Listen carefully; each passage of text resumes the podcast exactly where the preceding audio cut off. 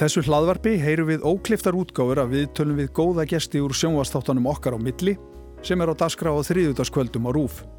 Hér heyriði áhugavert fólk, tala um lífslöpsitt, lífsreynslu og hugðarefni. Og munum, fólk þarf ekki að vera frækt til að vera áhugavert. Ég heiti Sigmar Guimundsson og þetta er okkar á milli. Gestur mín í kvöld hefur mestan hluta starfsferil síns unnið sem saksóknari og kent við lagadeild Háskóla Íslands. Hún þarf ofta að vinna í erfiðumálum og er í miklu nái við vestu og skuggalegustu hliðar tilvörunar. Og því fylgir stundum svo tókstreita að vera sannfærðum sekt ekkvers en get ekki ákert vegna skorts á sönnunum. Þetta ræði ég við Kolbrunnu Benediktsdóttur og hún segir okkur einnig frá því hvernig hún hefur nýtt eigin reynslu bæði til að hjálpa foreldrum sem misthafa barn og til að berjast fyrir hagsmunum fallara barna. Kolbrún, verður velkominn. Takk. Gaman að fá þig. Ég, hérna, við erum auðvitað að fara að tala svolítið um lögfræði frá ýmsum hliðum og, og hérna, þetta kerfi sem þú vinnur í og allt það. En mm -hmm. auðvitað viljum við kannski fyrst fá að vita hvernig stendur á því að þú velur í lögfræðina? Já, það var nú kannski svolítið tilvílinakent. Ég hafði aldrei hugsað mér það að fara í lögfræði. Ég eh, stóð alltaf til að fara í íslensku eða bókmyndafræði eða svona íslensk fræði, eitthvað svo leis í háskólanum. Mm. Og ég byrjaði nú í íslensku eftir útskrift og menturskóla og Svo dætt mér í huga að fara í rúsnesku. Ég ætlaði þá að taka í rauninni tvö ár í rúsnesku og eitt ár í íslensku og skráði mig í rúsnesku í háskólan og svo fekk ég símdal hérna í júni bara aðurna, sérst, í lok annar. Og þá var ekki nægileg þáttaka þannig að það fjall niður rúsnesku námið og mér var gefin svona einhver vika við mandri til þess að velja mér eitthvað annað. Já. Og ég var nú reynda nýbúin að rekast á gamlan bekkjabróðu minn úr grunnskóla við minnum í innum minn sem var með mér í skóla ég bæði grunnskóla og mentarskóla og hann var í lögfræði og hann veginn nefnt þetta við mig akkur ég kem ekki bara með honum í lögfræðina. Og ég man að ég fór á kaffihús með einhverju vinkonum mínum og við vorum eitthvað veltað þessu fyrir okkur hvað ég ætti nú að gera þess að rúsnarska var ekki kent og þá okkur bara kom þetta upp hvort ég ætti ekki bara að prófa, prófa lögfræði. Og þú er ekkert verið að pæli þín eitthvað? Alls ekki, en hann var ekkert nefn búin að planta þessu, þessu fræði. Og hérna þannig ég ákvað bara slá til og, og prófa þetta. Já. mér fannst þetta nú kannski ég get alveg sagt það, fyrsta önnin fannst mér ekkert sérstök. Að koma þarna úr hérna átnagarði úr íslenskunni í svo litla svona kósi umhverfi. Á fyrsta ári í lögfræði út í háskóla bíu og einhverju fleiri hundru mannsko í stórum sál að læra almenna lögfræði, lögfræði. og ég hugsaði með mér ok, ef ég næs ekki fyrsta þá er ég hætt. En svo náði ég og sé ekkert eftir því að haldi áfram en það var þetta náttúrulega mjög skemmtlegt og, Já, og hvað er það við í lögfræðina sem er sko þeir sem að, ég ímynda mér að margir þeirra sem að hafa aldrei lært lögfræðið annað, þeir ímynda sér að þetta sé svolítið þurft og þetta sé svona ópersónlitt og lítið pláss fyrir eitthvað skapandi. Mm. Já sko, það er náttúrulega kannski svolítið, sumt af þessu er þetta þurft ég get alveg viðkend það.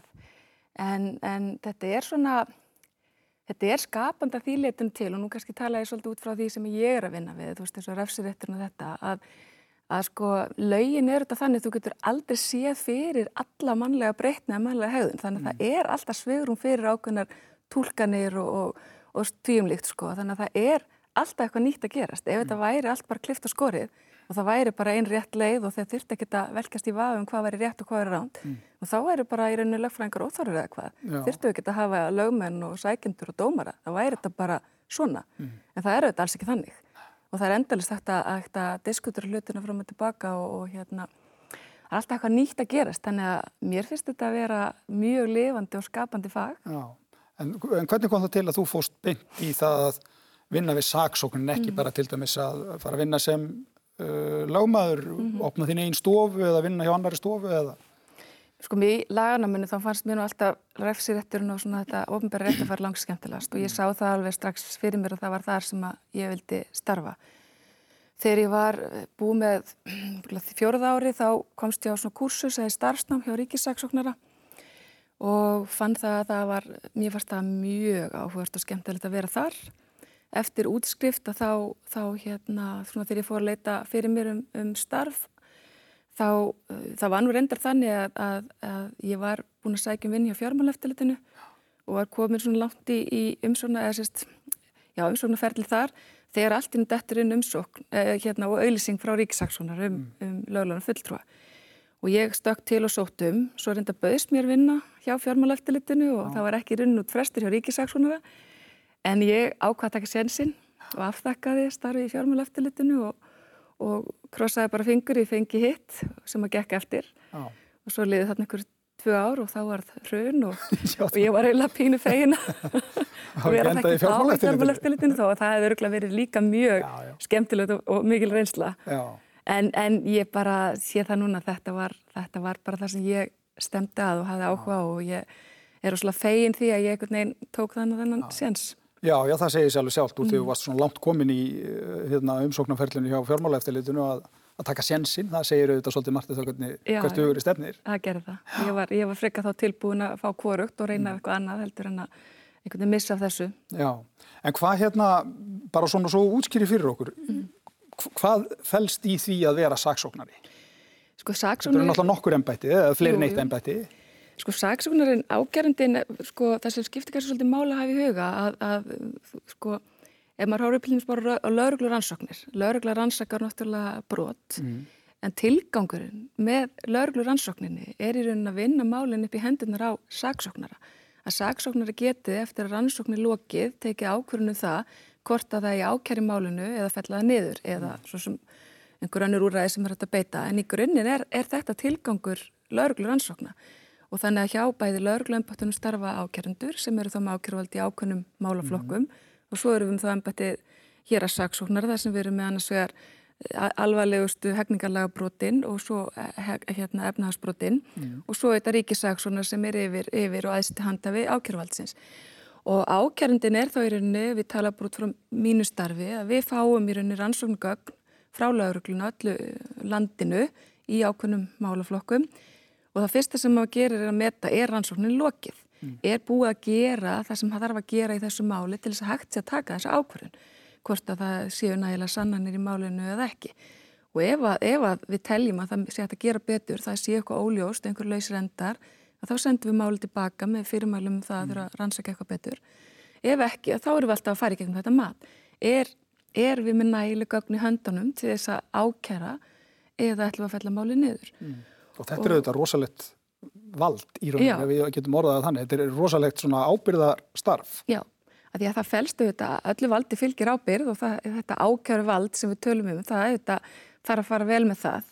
Af því það er, og eins og ég segja, og svo ef við ákveðum þá að, að ákjæra, að þá fylgjum við málunum eftir fyrir mm. domstólum. Þannig að já, það þarf að vanda mjög vel til verka þegar þessi ákvörðun er tekin. Já, og það er þá þitt síðan að vera að reyka málið inn í dómsal ef það fer þangað. Já, í hérastómi og svo eru þá ríkisaksson sem fylgir málum eftir í landsrætti og fyrir hæstarætti. Já, e, svona öðrum þræði þá var það ástæðan fyrir því að mér langaði að tala við þig. Það er líka hvernig það er að vera manneskja inn í þessu kerfi. Við erum alltaf að tala um þetta sem kerfi. Mm -hmm. Þetta er réttar kerfið, við erum með lauruglu, við erum með saksóknar, við erum með dómara, lögfræðinga. Þetta er svona eitthvað kerfi sem er svolítið formfast og þá að vera það. Regluverki er mhm. nokkuð ákveðu og allt þetta. En þið eru þetta allt bara manneskjur inn í því. Mm -hmm. Og þú ert stundum í þeirri stöðu að vera að meta það hvort að ég að, að ákjara eitthvað. Þú lítur að lenda til dæmis í því að vera samfærið um sekt eitthvers mm -hmm. en ekki að geta ákjært. Já, já. Og það er svona kannski, kannski sérstaklega því að frá því að ég er, ég er búin að vera nú í tæp 15 ár ákjærandi og alltaf verið í rauninni þessum máluflokkum, þessum ábyrgsbrotum, kynferðsbrotum og það eru þetta máluflokkur sem er mjög þungur og, og hérna e, og í þetta var náttúrulega sérstaklega í byrjun þá er þetta erfitt. Já. Það er erfitt þegar maður kemur inn svona nýr og er að, er að setja sig inn í, inn í starfið að, að hérna, einhvern veginn komast yfir þetta. Þetta hefur maður verið með mörg mál þar sem maður hefur innst inni, bara sem manneski verið alveg sannfærður um það að sagbortningur hafi framið það er brot sem honum að gefa sög. Mm. En ef ég get ekki sanna það, ef ég hef ekki gögnin sem styðja það, að þá er það líka mín ábyrð og það er bara lögum sangvænt, þá ber mér að fella máli niður. Mm. Því það er alveg skýrt í lögunum að, að ákjörandin hann metur það hvort að máli sé líklegt til sakvellis eða ekki mm. og ef það er það ekki, ef það er ekki líklegt, þá berðir að fella það niður. Já. Og það er auðvitað eitthvað sem getur jú stundu verið mjög erfitt. Já, því þá ertu svo með réttlætiskendina einn á einum stað mm. en hérna lagfræðilegu niðurstuðu einhvern veginn annar staðar. Já, og við náttúrulega þekkjum náttúrulega bara þær leikreglu sem er í gangi í þessu kerfi, Menni, við erum ákveðna reglu sem gilda þegar kemur að sakamálum bara um, um hvað, sönnun og sönnunabyrði og, og allt þetta og við þekkjum náttúrulega lögin, við þekkjum reglunar, við þekkjum dómafárdæmi mm. og það er, það er okkar að, að, að leggja þetta, þetta mat á gögnin og reyna að komast að einhverju niðurstöðum það hvort það sé rétt að láta reyna málun eða ekki mm. og, og það hvað mér finnst eða hverju ég kannski trúi einstinn eða trúi ekki, það í rauninni skiptir ekki máli þannig. Samt pyrrandi? Já, já, það er pyrrandi.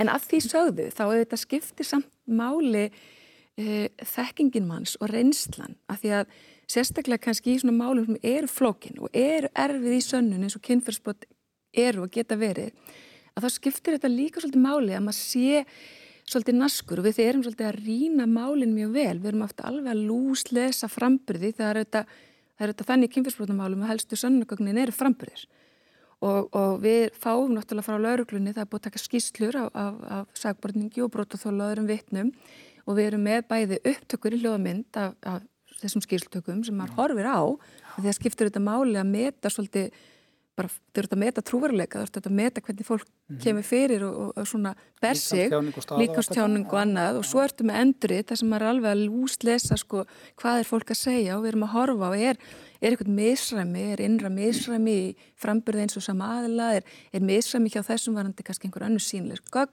þannig við erum að fara með vel ofan í, ofan í svona þessi gögn sem við þá höfum.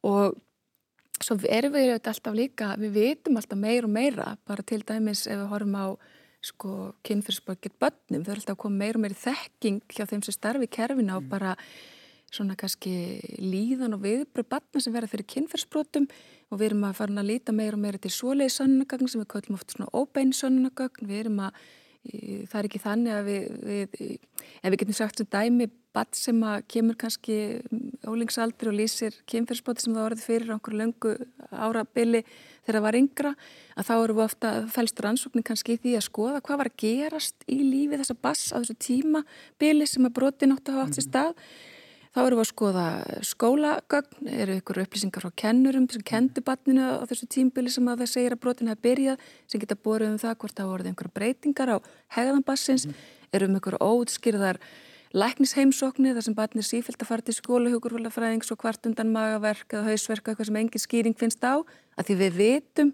að þetta er oft enginni sjá börnum sem verða fyrir kynfyrsbroti eða, eða annars konar ofbeldi að þau, þau eru að vera svona eitthvað óutskýrða verki og eitthvað svolítið sem, sem að þetta kemur út svona mm -hmm. þannig að það er alls konar svona hlutin sem við bara með okkar þekkingu og reynslu kunnum að leita eftir en svo eru þetta alltaf mál sem að maður kemst ekki áfram með og jafnveg þó maður sé alveg sannfæri reynstinni að þetta hafi gæst að maður, mm. maður kemst ekki áfram með það og verður að fella það niður Og það að vera í þessari stöðu og þurfa að gera það mm þá ertu náttúrulega e, að standa vörðum eitthvað sem á að vera heilagt sem er auðvitað bara mm. réttar kerfið eða réttar, mm. réttar ríkið okkar. Já. Menna, hjá því er ekkit komist trátt verið að það sé oft verið að gaggrina það að, að málinn fari ekki lengra. Nei. Ég held að svona ef við all horfum á þetta svona og köfum og nýta þá held ég að við myndum ekkert vilja hafa kerfin þetta rausi. En eins og ég segi, auðvitað eru við alltaf verið að bæta okkur og þegar maður ber bara saman hvað er svo mörg mál og hvaða mál er að fara áfram í dag og hvaða mál fóru áfram eða ekki áfram fyrir kannski 10, 15, 20 árum og ég tala nú gemið fyrir með ennþá lengra þá sjáum við þetta alveg að það er breyting. Og þannig að hérna, er, við erum, erum endalust að reyna að bæta kerfið. Og meðal annars það sem að því ég nefndi nú áðan að það sem skiptir mestu mál er skýslutökur og þá hefur verið rosalega mikil áherslu og fókus á það síðastlega inn ár í bara þjálfun laurglumanna mm -hmm. til dæmis að, að, að hérna, þjálfa fólk vel upp í að taka skýslur af því að ef að, ef að skýslutökunar og framburðir eru það mikilvægast eða mikilvægastu sönnunagögn í þessu málum þá skiptir þetta miklu máli að laurglumennin sem er að taka þessar skýslur mm. séu vel þjálfaðir í að taka skýslunar mm. og það hefur verið sett mikið svona púður eða mikið sett í þennan það að þjálfa laurglumenn vel upp í skýslutökum í dag og þannig að það er svona, það er ímislegt sem búið að gera til þess að bæta með þessara mála. Mm. Og svona kannski auðveldar að þá að, að komast að réttir í niðurstu í þeim, en ég minna, mm. það er samt alltaf í þessum málum, þá er kannski eðlega minna talað um réttindi þess sem er sakaður um eitthvað. Mm. En það er náttúrulega eitthvað sem að þið þurfið að... Já, þetta er náttúrulega... Við, við erum alltaf að hugsa um þessi mál út frá þeim sem kærir eða mm. þeim sem að kemur til lauruglu og segir að, að hérna, brotið hafi verið á, á sér mm -hmm. þólendum Já, já. já svona bæðu og ég myndi líka að segja umræðin er oft líka svolítið þetta að við erum rosalega mikið að fókusa á réttilega á réttindi sagbortning og þeir, við, við eigum alltaf að gæta þeim og segir, við, það er auðvitað það sem við þurfum að hafa í huga lauruglu ákjörðavald er hlutlaust mm. og við eigum að rannsaka málum bæði þannig við sem að horfa á það sem er jákvægt og neikvægt fyrir sagbortning, það sem horfi bæði til sagtar og síknu. En það sem að hefur kannski líka verið e, bent á svona kannski síðustu árin að einmitt, einmitt þessi réttindi brotaþóla og réttindi þeirra sem brotið er á við þurfum líka auðvitað að gæta að þeim.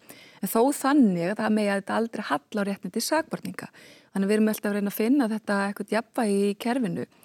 Að hérna til dæmis að veita brotaþóla meira aðgang að kerfinu, réttafislu kerfinu og hérna að því að það sem er líka svona það er ákveðin meginregla líka, við erum svona meginreglur í, í sagamál réttafari eins og við köllum það eins og eina af þeim er þessi að saklusin sekti sönnuð mm -hmm. og, og réttindi sakbarnings en við erum líka með reglu sem er, er svo kallið sannleiksreglan.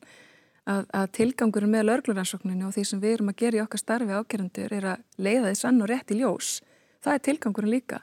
Þannig að við þurfum kannski líka svolítið að horfa svolítið að hana. Hvernig getum við unni vinnun okkar, rannsaka málinn og gert það sem við þurfum að gera uh, til þess að fá fram það sannleikan mm, þannig að við þurfum alltaf að vera með það líki huga Já. En þegar það verða að gaggrína þetta kerfi sem að mm. þú vinnur í, það verða að gaggrína lauruglu fyrir að rannsaka ekki mál nú vel, þetta sé ómanniskilegt, mm. þið, ákveður þessi ekki ákerður, þið, þið náttúrulega verður oft fyrir þeirri, þeirri gaggríni, mönnum finnst alveg sjálfgefið að einhver, einhver málega fara allavega í kerfin og svo mm. náttúrulega líka býta okkur er ekki sakfælt og allt þetta. -hmm. Er þetta, er þetta ósækjað numræða? Nei, mér finnst í rauninni, öll gaggríni, sko, ef hún er málefnileg þá hún rétt á sér.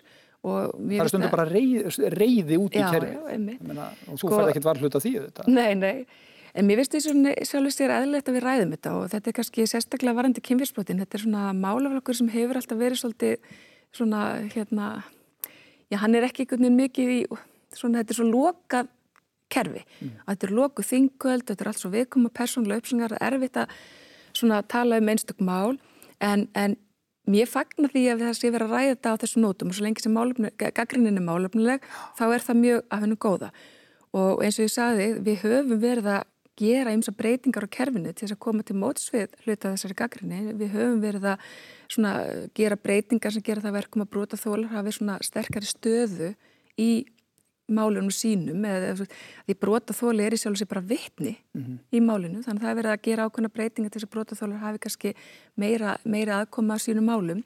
Við erum að bæta aðferðnar okkar og, og hérna hvernig við tökum skýslur og svo framvegis.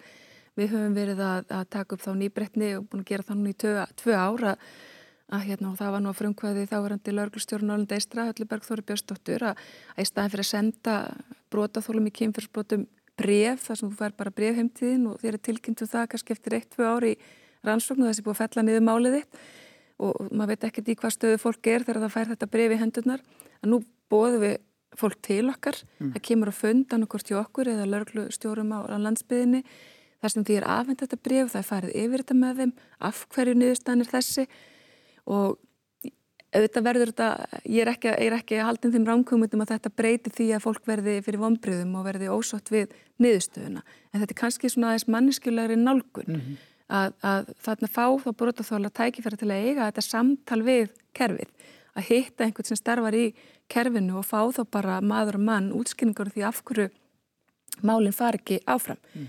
Og svo er náttúrulega annað sem er líkið þessu að, að bæði náttúrulega heyri við þessa gaggrinni menn að segja akkur er ekki ákjört, akkur far ekki málun áfram.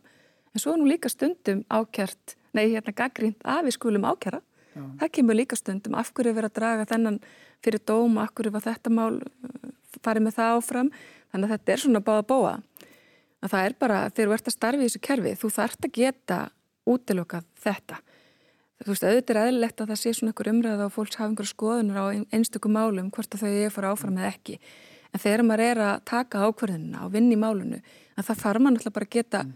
ítt þessu til hliðar og maður er bara að horfa á staðrindunar, maður er að horfa á göggmálsins og meta það, útbráð bara sinni þekkingu og reynslu og tekur ákverðin byggða því, ekki því hvað fólk er að tala um út í, út í, út í bæ. Já, en þú ert stundum andlitið á þessu kerfi, menn verður mm. þetta aldrei persónlegt? Nei, Hildur. mér hefur ekki fundist það. Ég, ég held að hérna, jújú, jú, þetta hefur mér svo sem að lendi því að kannski sérstaklega fólk er búið að fá sér eitthvað, að vilja fara að ræða eitthvað svona sko, en, en það er mjög lítið og, og hérna, mér finnst í rauninni bara eðlilegt líka að sko, e, að því að þetta er svona málaflokkur sem er svo lokaður. Mér finnst að vera líka bara hluti af okkar starfi sem erum að vinna í þessu kerfi og þekkjum það að koma fram og tala um það. Að reyna þá líka að útskýra uh, fyrir, fyrir fólki, fyrir fjölmjölum, fyrir almenningi, hvernig kerfi virkar, hvernig við erum að vinna. Að því það er líka oft alls konar ránkumdur í gangi og maður heyri líka alls konar svona hluti sagða og hent fram sem er ekki alveg réttir. Og það er kannski svolítið okkar sem þekkjum kerfið að koma fram og útskýra hvernig hlutinu virka. Þannig að En þú varst að lýsa þess hann að, að fyrir þig og þetta sem einstaklinga vinni þessu, uh, vinni þessari vinnu, það er að mm. Þú þarfst að vera að lesa vitninsbyrði, mm. þú þarfst að vera að skoða myndbönd, mm. þú mhm. þarfst að tala við fólk, mm. svona á sárustu stundum lýs þess uh, likur um mér við að segja. Ég meina, þú ert stundum með algjörlega ömurlega hluti í handónum. -hmm. Horfa á ríkalega hluti, þú ert að lesa ríkalega vitninsbyrði, ég meina, -hmm þetta lítur að vera erfitt, þetta lítur að taka á. Já, það gerir það og ég meina því maður eru alltaf bara manneskja og á, sín, á sjálfu börn og svo fram við sko en, og þetta er bara það sem að kannski er ennum eitt vest að því hún nefndi svona myndbönd þú veist, mér finnst svona persónulega svona eitt af því sem er kannski erfiðast að koma og losna við úr huganum, það er þetta svona batnariðsefni, við þurfum auðvitað að skoða svolítið efni því að við þurfum að vita hvaða er sem við erum með í höndunum og og ákveðnur refsinga til dæmis í svoleiðis málum, hún fer ekkit bara eftir magni heldur líka grófleika, mm. þannig að það er svolítið okkar að skoða þetta og sjá hverslas efnum þannig er um að ræða. Men það hlýtur að vera viðbjörnslegt að horfa? Það er bara viðbjörnslegt og ég held að fólk bara, ég þakkar svona fyrir að fólk held ég almennt vita ekki hversu viðbjörnslegt þetta er, ég held að mjög margir hafi svona einhverja mynda því þetta sé svona einhvert ljósblátt lólítu klám maður sjáast í eitthvað svona brjósta eitthvað svolítið, þetta er alls ekki svona, þetta er náttúrulega bara viðbjörnslegt, viðbjörnsleg brota sem eru að fremja gegn mjög ungum börnum. Og, og svona mér finnst svona persónulega maður að bara segja það, mér finnst svona, ef maður hugsaður þetta þannig, refsingar fyrir vörslur og barnanísefnilum sem eru að mínum að þetta er mjög vægar mm. vegna þess að þarna eru náttúrulega um að ræða raunveruleg börn sem er verið að misnóta ykkur störu til heimi, mm. það er bara verið að nauka börnum fyrir fram að myndavelina mm. og, og það er eftirspurn og það er eftirspurn eftir þessu og þess vegna er þetta gert. Mm. Losnar við þetta úr kollinu? Getur þú farið heim bara og hérna, elda matinn og hoppa sjónvarpið og lagst á kottan? Ég meina, mm. við, við, við sem hegum börn, þetta, þetta er svo skjálfilegt að hugsa til mm. þessa. Mm. Já, þetta er bara, það er misæfrið og auðvitað er bara þannig að það er sönd sem maður held í losnar aldrei úr kollinu sko. En, en þetta er einhvern veginn svona, maður þarf svolítið bara að geta sett það í ákveð hólf mm. og ég meina ef maður gæti það ekki þá er það maður náttúrulega bara að hætta.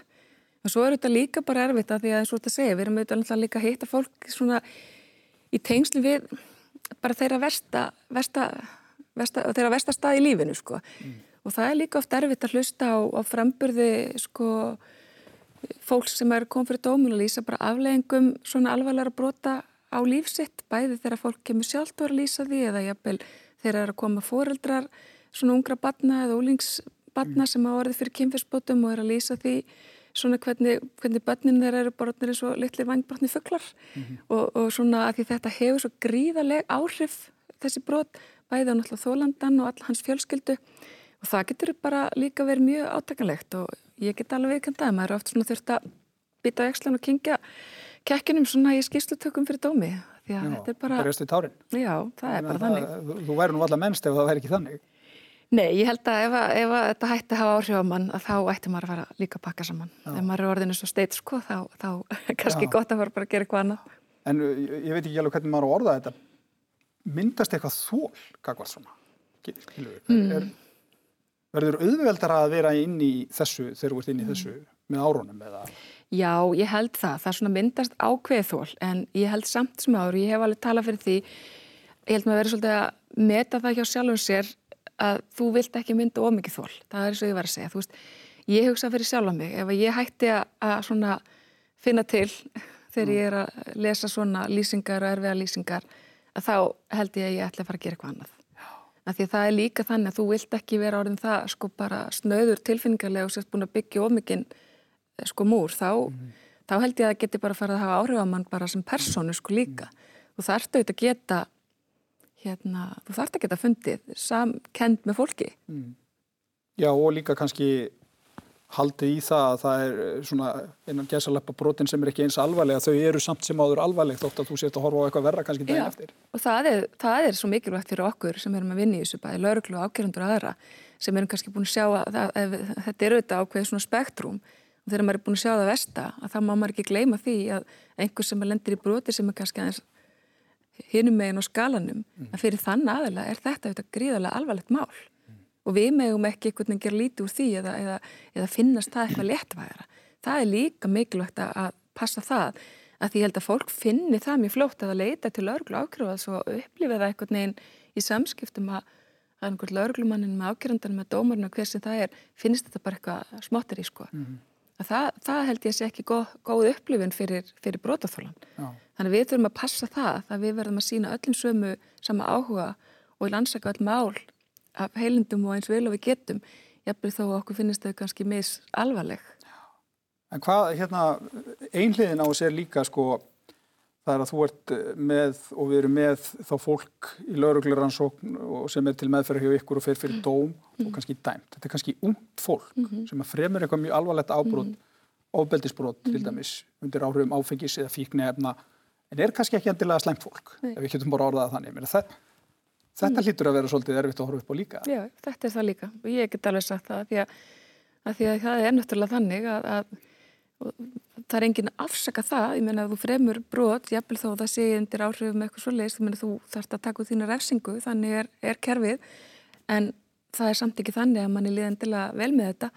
Og það er, þetta er alltaf harmsaga, þetta er alltaf svo mikil svona sorg og nei, það er enginn sigurveri svona málu og það er svona, eins og ég segi, það, það vill enginn enda í máli hjá okkur.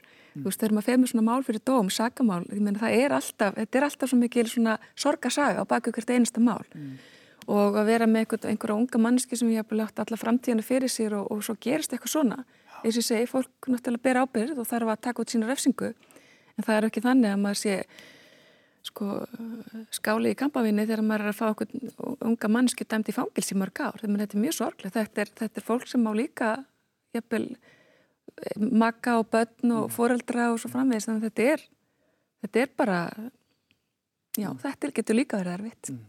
En hérna, hvers hefur orðið vísar í þessum störfum? Er, er til eitthvað sem heitir svona bara fólk sem er vond í grunninn? Er þetta yfirlega þannig að menn einhvern veginn mm. villast að leið skilur pælinguna? Er þetta Já og nei Eru sumir eiginlega bara fættir, færu þá tilfengum sumir séu bara reynilega fættir vondir eitthvað skrýmsli Já, en það eru fáir það er svona það mín er tilfinning í, sko mér finnst náttúrulega eins og segi, maður passa kannski hvernig maður orðar þetta en svona það er náttúrulega til fólk sem fremur svo hræðilega, hræðilega gerir svo hræðilega hluti, sérstaklega við börni aðra sem svona eru minnumáttar og gefil ítrekkað og, og einhvern veginn nýðast á þeim sem algjörlega minnst mega síni kannski í þeirra, þeirra viðkomasta skeið í lífinu. Þannig mörg svona mál sem hafa alveg svona nýst mann og þá, þá svona um tíma missum maður kannski pínlítið trúna mannkinn sko og jafnvel þá menn sem að verðast og ekkert sjá neitt eftir neinu. Mm. Þannig að jú, það er einhverju sem maður hefur svona alveg á tilfinningun fyrir að bara eigi lítið gott í sér. En, en það svona, er þá einhver röskun lítur að vera, ég meina. Já, já, og eins og ég segi, auðvitað náttúrulega er kannski einhverja skýringar á því viðkomandi á kannski sína sögu líka og allt mm. það en að því ég held nú að það fæðist engin vondur, það er nú svona mín tilfinning, en stærsti hlutin sem, af þeim sagborningum sem, að, sem að er að díla við finnst mér að vera þannig að þetta er fólk sem að ef, ef það hefði kannski fengið betri tækifæri lífinu þá hefði þetta ekki þurft að enda svona. Já. og það er oft óbúslega sorglegt ekkert að horfa upp á það, fólk sem að maður, maður sér bara söguna, fólk sem að eftir bara erfitt uppdrættar frá, frá upphafi og það greip ekkert inn í. Þannig ekkert fór þetta svona og mm. Er fólk sem er eins og segir gott í grunninn en, en hérna Já, það er eitthvað samhengi í svoft en, en, en þetta fólk sem að þú ert að lýsa sem að gera svona skjálfilega hluti er, mm. er fólk að réttlæta þetta? Er, sjá menn ekki að þetta sé rámt þetta er svo áhugavert að komast inn í, inn í mm. hugana þessu fólki. Hvað er í gangi þetta? Já, ekki alltaf. Og það er að, náttúrulega, það er kannski ekki mitt að segja hvort að það sé einhver breinlun eða eitthvað en ég minna við erum auðvitað með ákveðin hóp barnanýðinga til dæmis sem er, er lítur svo á að þetta sé bara kynneigð mm. og finnist þetta vera bara eitthvað svona gagvæm ástarsamband. Það er auðvitað erfitt fyrir mann einhvern veginn að skilja það en, en já, það er ekki allir sem að, sem að, sem að sjá að þeir hafa gert eitthvað af sér. Já, en upplifur ekki í þessu starfi líka samt eitthvað tíman að það sé eitthvað gleðilegt að gera, við erum náttúrulega að tala um mm -hmm. allt þetta hörmulega og glata það en... Jú, og það er fullt af svoleiðis hlutum sem er í gangi sem rætta kannski ekki alltaf verið stóðstólu því að við erum, við erum með fullt af öðrum úrræðum, við erum með fullt af öðrum hlutum í gangi í kerfinu sem eru svona til dæmis hlutir eins og sáttameilum sem við erum að nýta. Við erum með svona ákjæru frestun sem við getum beitt fyrir unga gerendur, það er jafnvel um einhverjum skilurum þar sem við erum jafnvel að grípa inn í einhverju óaskila hegðun sem mennur farin að sína ungir og, og gefa fólki þá annan séns með þá ákveðnu skilurum með það brotið náttúrulega ekki af sér og jafnvel fái þykki þá einhverja aðstóð og hjálp til þess að svona leiða sig á rétta braut mm -hmm. þannig það er, ims, það er mjög margt svoleiðis jákvæmt sem er í gangi sem er kannski ekki endilega sínilegt og eins og ég segi sáttamilun er mjög jákvæmt úrræði sem ég vildi að undur undan nota meira þar sem við erum svona svolítið að leiða saman gerundur og þólendur, kannski ekki náttúrulega í þessum alvarlegustu Nei, brotum. Þetta er svona viðkvæmt örgla svolítið stundum. Já, þetta er ekki notað í kannski alvarlegustu brotunum en, en þannig er þetta svolítið hugmyndin að reyna svolítið að stoppa uh, svona kannski ungt fólk sem er kannski fara að sína ákveðna svona hægðun og, og reyna að grýpa inn í að þú svona fáir að setjast niður með þeim sem þú braust á og líka þá að þólandin sem verður fyrir broti fá að hitta gerandan og fá svolítið að taka þátt í málunum sinu mm. og fá að útskýra fyrir gerandan hvað áhrif það hafiði á mig sem þú gerðir á minn hlut. Og þetta er mjög jákvægt og allar allandar ansóknir sína er miklu vennleira til árangus heldur en, heldur en svona kannski aðra leiðir. Já og hérna þannig að það er rosalega gaman að vera búin að fá að fylgjast með þýjúraði til dæmis Já. sem ég er alveg samfærðum að, að, að hérna sé komið til að vera og ég eftir að ég búin að aukast Já. En þegar þú ert að fá sömu mennina aftur og aftur inn á bortíðin mm -hmm. það eru þetta svolítið tragíst, endalust í ykkurum innbrotum og þá er kannski ekki að tala um þá sem eru kannski að fremja alvarlegustu brotin, mm. ég meina Já, það er náttúrulega kannski sjaldan sem ég er með svoleiðis sem er í þeim, það eru þá hjá lauruglunni en og svona þessi kannski brotaflokkur sem ég er með eða, eða ég hef verið að starfi er svona minna um það að menn sé svona svo kallega síbrotamenn en þó erum við, já, en þó erum við náttúrulega með alvarlegustu ofbeldisbrotin þannig að það kannski helst þar sem maður sér þetta já. og þetta ákveðnir, ákveðnir menn og konur sem maður þetta bara þekkir orðið mjög vel vera, og það er þá yfirleitt í þeim tilvikum er þetta fólk sem er þá að vera glíma við fíkni vanda og maður bara vildi oska þess mm -hmm. að það væri eftir að stiðað betur við að, hérna, komast út úr því, því miður, það er bara svo les. Já. Serðu það fyrir þér að, að hérna, halda áfram í þessu? Langar það ekkert að söðlum og fara að gera eitthvað annað? Nei, ekki, mér langar ekkert að fara út úr kerfinu. Veist, ég, ég held ég sé alveg búin að gera það upp um allavega núna. Að, hérna, Þú er ekki gaman að skoða það hinnum meginn frá? Nei, ég hugsa að ég var ekki til að fara að vinna bara okkur lögmannstofu eða, eða, eða ykkur banka fjármálafyrirtæki eitthvað sluðis, ég held að ég sé alveg búin að sjá það að það er ekki myndubóli en hérna, en auðvitað er ymslegt sem er að gera, ég menna hvort að ég verði alltaf hjóri hér að saksónara eða ekki það, bara verður komið ljós. En ég hugsa ég verði allavega allavega einhver góð ári viðbútt í þessu kerfi. Já, já, mm. vinna við það. Já. En hérna, ég nefndi það hérna í svona nota þína reynslu, þína mm. eigin sáru reynslu til þess að mm. hjálpa fólki. Þú verður að hjálpa mm. fólki sem að við mist bann. -hmm. Hvernig hérna, hvernig er það að nota svona sára reynslu til þess að mm. hjálpa? Já, ég, ég held að það sé bara, ég verður bara að segja fyrir mig, mér finnst það líka að vera bara svona ákveðin hérna þerapía fyrir mig. Ég held að það sé rosa gott að maður hefur hefur svona einhverja reynslu á bakinu og maður treystir sér til og maður getur uh, miðlað henni, af henni til annara Já. að það hefur verið fyrir mig líka svona ákveðin þerapía sjálf. Við mistum okkar fyrsta barn í janúar 2006 í, í kjálfar bara erfiðara fæðingar og hún, hún við rauninni lifiði bara í nokkra klukkutíma. Og við fórum í kjálfara því inn í ákveðin hóp í, á landsbítalunum sem er svona stuðningshópur fyrir fólk sem er þá að missa í lók meðgangu í fæðingu eða fljótlega eftir, eftir fæðingu og mér fannst mjög gott þegar ég var í svoleiðis hópa að það kom alltaf þangað þá kona sem hafði reyndi svipuðu einhverjum árum á undan. Og það hjálpaði mér að hlusta hennar reynslu og svona sjá að það var lífi var kannski gendilega búið. Hún virtist lífa á getis lífi og vera hafmyggisum þáttir þennan þessa reynslu.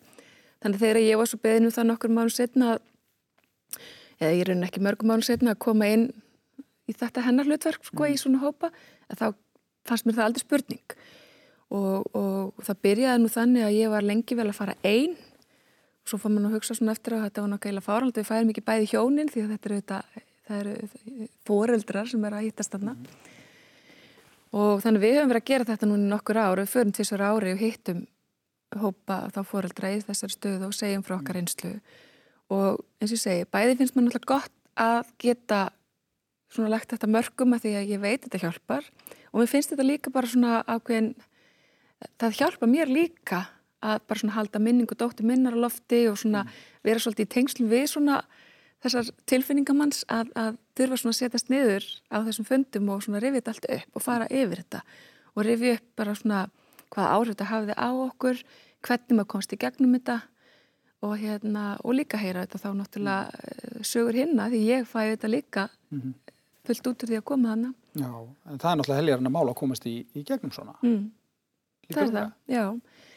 Það er, það er einhvern veginn svona, það er svona einhvern veginn það sem ég segja stundum að, hérna, að, og ég veist þetta svo merkilegt því að persónulega fannst mér þetta svo merkilegt þegar ég uppgöðu þetta, ég, ég segja alltaf frá þessu í þessum stuðnisópum að þegar maður verður fyrir áfalli það segir fólk alltaf við mann já nú fer bara ákveðin sorgar vinn í gang ákveðin sorgarferðli og þetta er bara að vinna og þú þarfst að vinna þig út úr þessu og maður er eitthvað bara hvernig vinna, hvað gerir maður, það er ekki eins og maður sé með einhverja handbók. Mm. en svo einhvern veginn áttar maður sér bara á því að, að þetta er ekkert flóknar en það að bara það ákveða að halda frum að lifa. Bara það ákveða að fara fætur á mótnan og klæða sig og ákveða það að nú ætla ég að fara út í búð og vesla mm. og nú ætla ég að fara og hitta vinkonum mínar í sömaklúb og það er þetta sem vinna. Mér varst þetta svo meggana sjálf sko þegar ég átti að það var bara, það var ekkit flóknar en þetta sko. Að hérna og einhvern veginn bara svona að leifa sér bara svolítið að fara í gegnum þessa tilfinningar sem maður er að fara í gegnum, leifa sér að vera bara stundum nokkuð brattur og, og svo stundum ekki. Mm -hmm að þú veist átt að segja á því það eru bara hæður og læðir að mér að fara í gegnum svona ferli. Og hérna leifa sér að þetta er náttúrulega alltaf svona þú ert að missa barn fluttu til stöttu til fæðingu þú ert að sirkja svona höldu annan hátt þú ert ekki að sirkja líf sem þú ert búið að vera partur af lífið, þú ert að sirkja það sem hefðu orðið. Ja. Og eitthvað neginn þetta er svona svolítið persónleg sorg. Ég upplegaði svolítið þannig að vera svolítið svona eigingjöld á minningarnar, en mér varst að vera svo ég hafði eitthvað svo lítið að ég var svolítið svona eigin á tilfinningarnar og það er líka bara allt í lægi en svo vil maður samt náttúrulega ekki að barnið manns gleimist og að gera það part af sínu lífi. Mm -hmm. og, og það er eitthvað svona sem við höfum svolítið talað um til að miðla því að bæði það bara að, að hérna, tala opiskott náttúrulega um hana það er myndir af henni inn á heimilinu okkar það er myndir, ég með mynda öllum barnunum mínu þreymur og skrifstofunum minni mm. við höfum alltaf gert eitthvað úr deginu sem hún fættist, hún fætt 12. janúar og það er alltaf, við bögum alltaf köku og erum með smá kaffi mm. og förum upp í kirkjugarð lengi vel fórum hún alltaf með svona amæliskerti en nú hefur hún náttúrulega orðið 14 ára síðan sko þannig að það verður orðið baskið barnalegt. Það er verðmægt að halda í þetta. Já og við höfum alltaf um jólinn þá tökum við grein af okkar jólatri og skreitum það en hún er svona fær part af jólatri fjölskyldunar upp í garð en það er svona ákveðna hefðir og mér finnst þetta svona Þannig hefur við náða að gera hana svona part af fjölskyldunni og bönni mín yngri þau vita alltaf þekka hana og, og vita það þau á stóra sýstur og, mm -hmm. og þetta skiptir svolítið máli og hérna, já þannig við hefum svona haldið hennar menningu svolítið lofti með, með einsum hætti. Mm. Mm. Og svo hefur við líka verið að, að tala svona fyrir bættum aðbúna þeirra sem að eru til dæmis fatlaðir og -hmm. það byggir þú auðvitað á þinni reynslu með þinn -hmm. svon. Já, við erum með eigum elli organarsvon sem er með CP, það er hérna, cerebral palsy og er, er sagt, gengum, við nota göngugrind og hjólastól og mér finnst svona sko ég verð bara að vikina það eitthvað neins svona þegar ég egnaðist fallabatn og, og svona fór að upplega það að ég fór í gegnum pínu svona, svona sjokk að því ég eitthvað neginn fyrsta lagi þá þurfti maður svolítið að horfast í auðu við það að svona einn fordama maður heldur alltaf að maður sé algjörlega fordama laus og, og, og hérna svo áttar maður sér kannski svolítið á því þegar maður regnast falla batn að við erum óbærslega fæstu því ófalla fólk að við erum alltaf að, að, að við einhvern veginn svona reiknum einhvern veginn alltaf með að, að allir vilji vera mm. ófallaður og inn í okkar sko, inn í okkar svona kassa mm. og hérna eins og það sé bara sjálfskeipað og, og svona að Ég þurfti svolítið svona að komast yfir það hjá sjálfur mér að vera ábúrslega upptikinn af því og uppfylla einhverju sorgum það hvað hann gæti ekki gert. Að hann gæti kannski aldrei hjóla, hann gæti aldrei hlaupa, hann gæti ekki þetta, þetta, þetta. Og, og fara að hugsa þetta svona svolítið öðruvísi og fókusa á það hvað getur hann gert. Og þetta getur hann lappa og getur hann hlaupið, hann bara gerir það kannski aðeins öðruvísi mm -hmm. og hann á hjól og, mm -hmm. og allt þetta. Ja.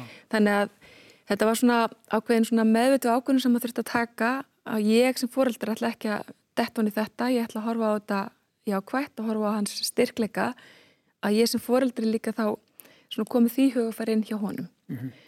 E, svo þurfti ég líka einhvern veginn svolítið að áttum á því að, að mitt samfélagi sem ég held að væri ansi framalega þar að kemi að réttundum fallar og aðgengismálum var það kannski bara ekki. Og maður er búin að reyka sig endalist á að við erum því meður mm. ekki komin nægilega langt. Nei.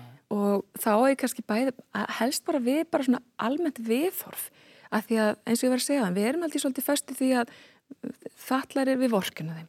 Þetta er svona æg, grei hann að vera fölluð, grei hún að vera fölluð, en við erum ekkert endað til í að svona gera einhverja breytingar hjá okkur til þess að, til þess að auka möguleika fallar að taka þátt í samfélaginu eins og við. Mm.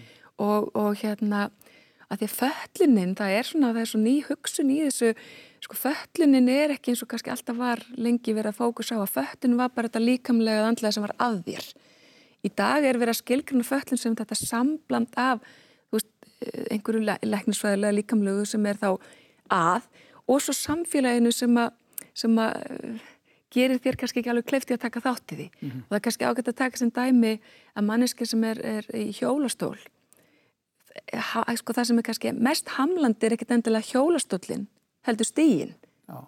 Akkur er stígin ekki lifta? skilur við. Þannig að það er þessi, þetta samblanda svona þessu samfélagslega sem er alveg hægt að laga já.